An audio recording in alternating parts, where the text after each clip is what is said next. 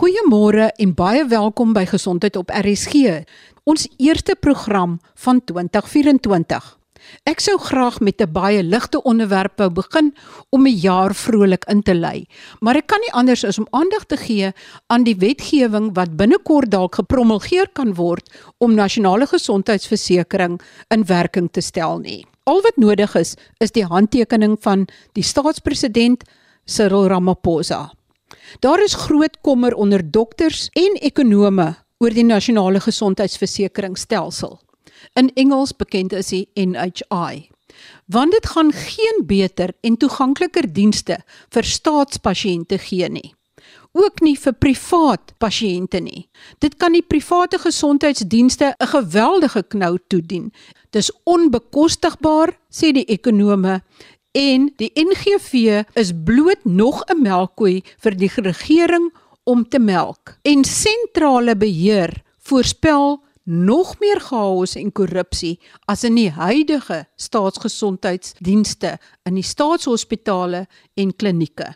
Terwyl ons in spanning wag om te hoor of Cyril Ramaphosa sy handtekening gaan neersit en of hy dit na die grondwethof verwys, gesels ek met Dr Caroline Corbett. Sy verteenwoordig 25000 dokters en ander gesondheidsberoepslui gesamentlik as die Suid-Afrikaanse Health Practitioners Collaboration en ek gaan ook met 'n gesondheidsekonoom gesels alles in ons reeks hierdie maand oor die nasionale gesondheidsversekeringsstelsel. In die eerste aflewering van die reeks gesels ek dan met Dr Caroline Corbett. Die doel van die program is om vas te stel wat is die implikasies van die nasionale gesondheidsversekeringsstelsel vir die dokter, vir staatspasiënte, vir privaat pasiënte, vir die private sektor en ook die ekonomie. Sal ek byvoorbeeld nog my eie dokter kan kies? Waar gaan die geld vandaan kom? En hoe kan dit werk? Al die vrae gaan nie noodwendig in hierdie eerste program beantwoord word nie, maar ons gaan beslis probeer om meer lig te werp op hierdie onderwerp. Ek gesels in Afrikaans en Dr. Corbett gesels in Engels, want ek wou die feite uit die perd se bek hoor. Dr. Corbett, jy verteenwoordig meer as 25000 dokters en ander gesondheidsberoepsmense. Wie is julle en hoekom het julle kragte saamgesnoer? So, thank you very much for the opportunity. Yes, I'm representing the South African Health Practitioners Collaboration. We support the fundamental principle of universal healthcare that underpins this bill, but it seems that the NHI specifically has been rushed through the legislative process. And what most of us noticed as a variety of different healthcare workers across the country is, is that our individual voices within our societies and associations were not being heard but we needed to unify those voices in the hope that we would be able to uh, form a collaboration that might find its way to the change that was required to the National Department of Health and greater than that to the President if needed. And so we have very good working relationships amongst the various societies, but have always petitioned or presented individually on behalf of our representative healthcare workers.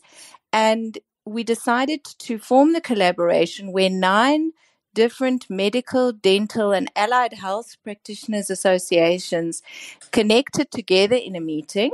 And we now represent more than 25,000 public and private sector healthcare workers, including trainees. So, those are our specialist trainees or medical officers.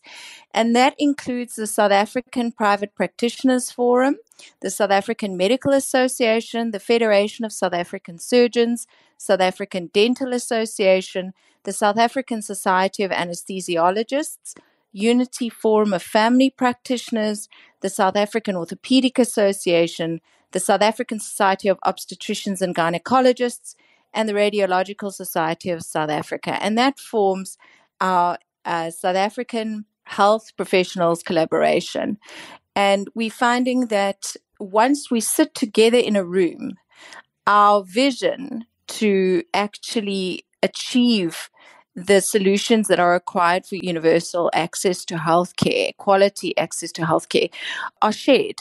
And there's no reason whatsoever why we shouldn't form a collaboration and unify in our voice.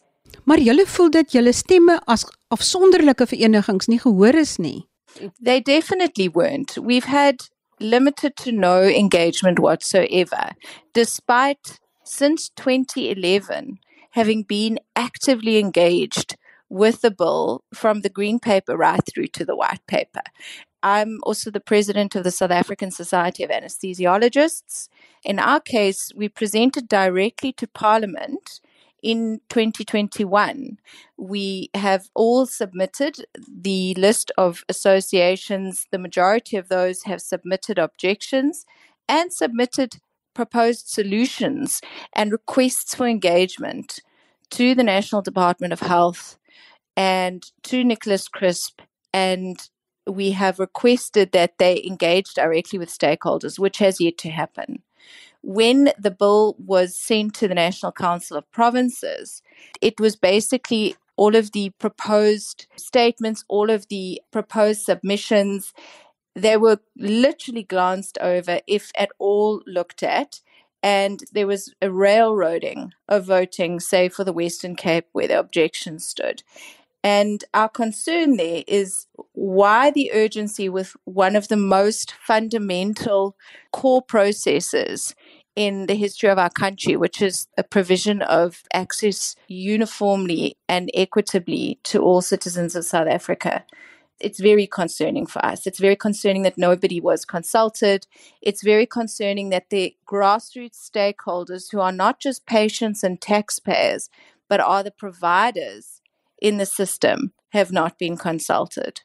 Maar Dr Nicholas Crisp van die Departement van Nasionale Gesondheid het dit duidelik gestel dat hulle baie wyd gekonsulteer het.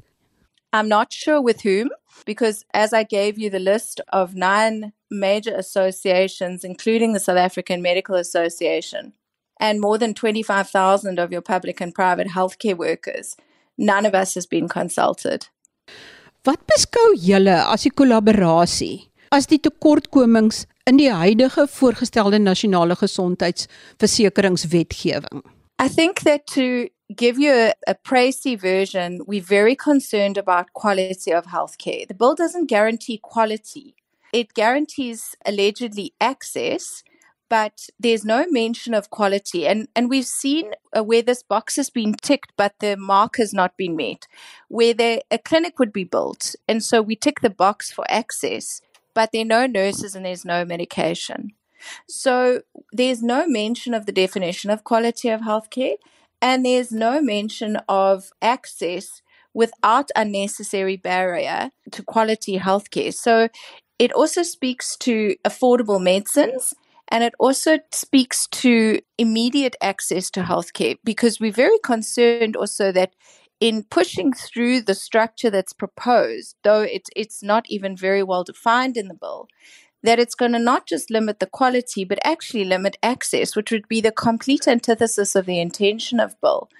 This is outlined in accreditation and the certificate of need for healthcare providers if you own a business or are entrenched in a system where your family might live close by and you're now being told that you need to move because the certificate of need is, is elsewhere outside of your province even there are many healthcare workers that would just refuse and say they're going to opt out and they're no longer going to be providers they will seek alternative employment elsewhere outside of the country or they will leave medicine altogether, which is what we have already seen just with the threat of the bill.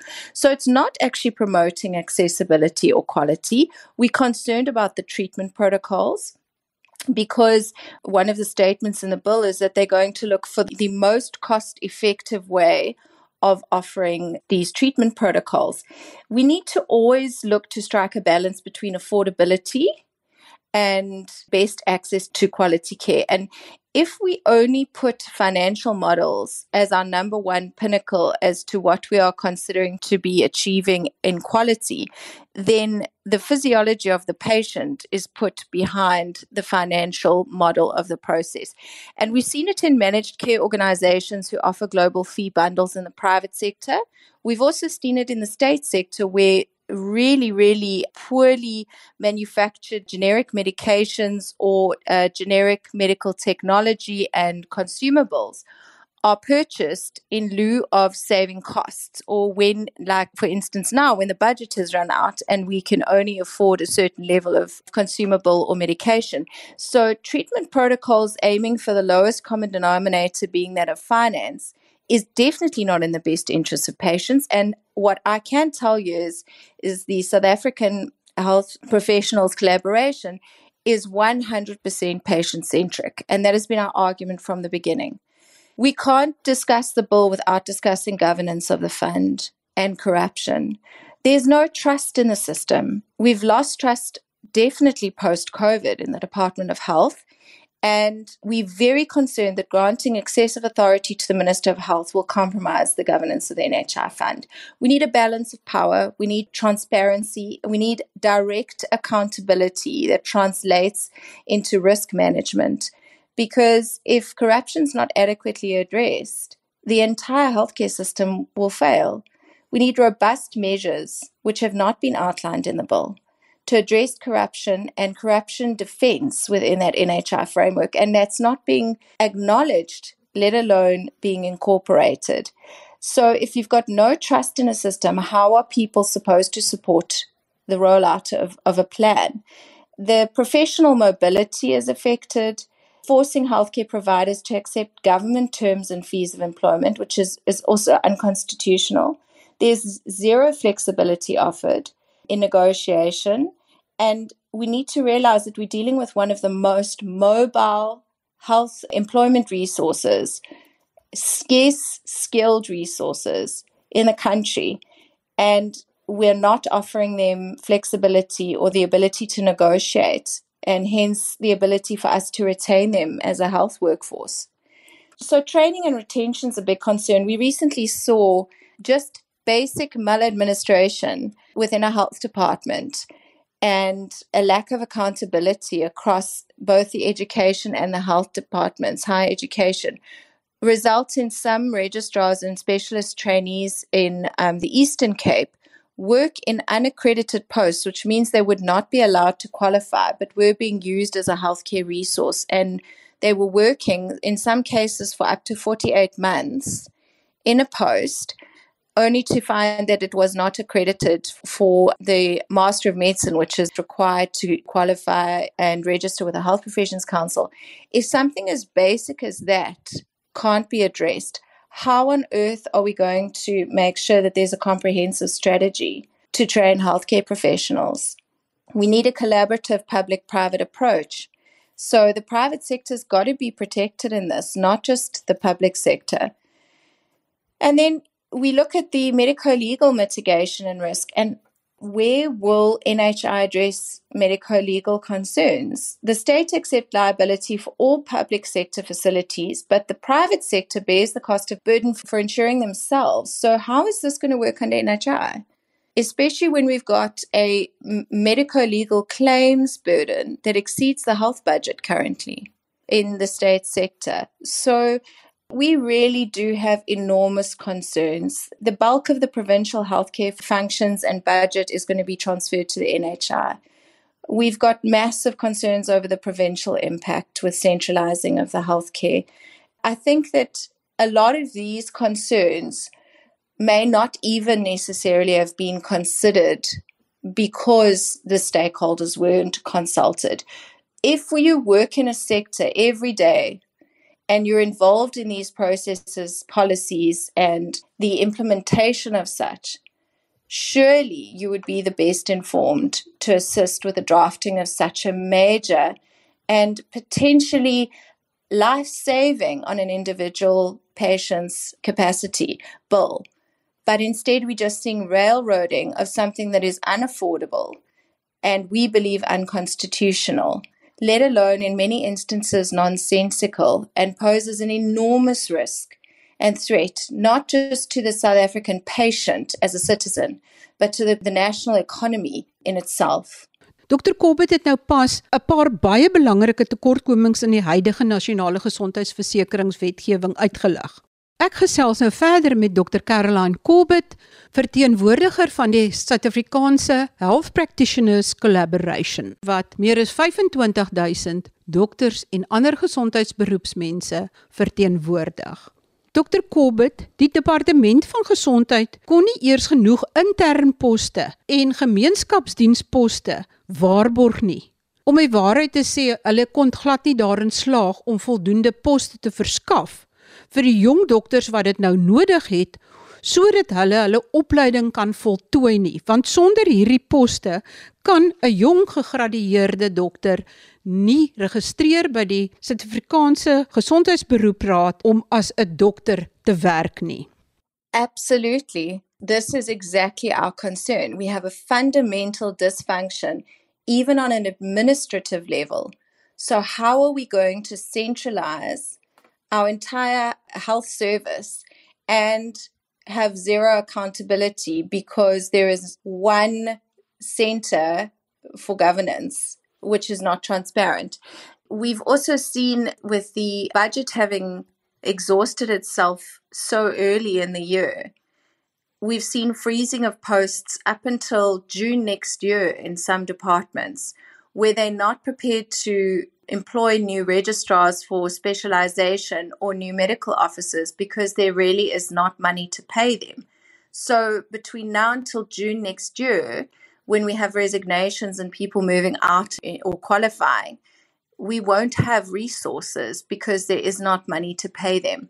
We've been told by Treasury this is an unaffordable bill, yet it just does not seem vaguely sensible that it is continuing to find its way to the president's desk. So, one of the things that I can tell you is, is that the South African Health Professionals Collaboration has drafted a petition, which now that the bill is sitting with the president, we will be petitioning him along with a number of other stakeholders, including big business, to please not sign this bill off in its current format, to please go back to the drawing board, to look at the constitutionality and the we believe constitutional infringements that are innate to this bill and the wording of the bill and the structure of the bill, and to just pause because what we believe has happened is, is that what was marketed was universal health care, but what was voted on